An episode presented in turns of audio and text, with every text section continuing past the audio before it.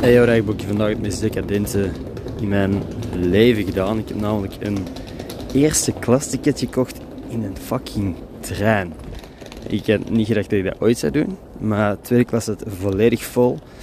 En ik wou eigenlijk gewoon neerzitten, omdat ik een serie aan het kijken was. En ja, uiteindelijk is het twee euro duurder dan een normaal ticket, maar dan nog.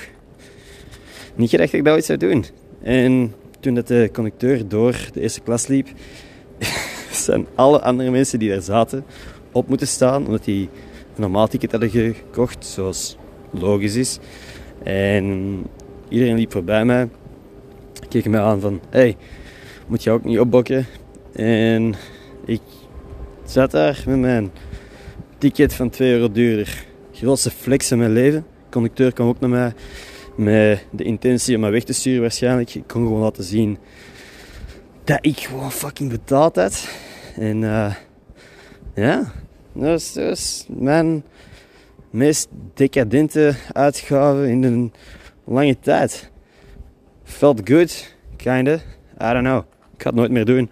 Maar dat was mijn ervaring, mijn eerste klas ticket. Uit, tot morgen.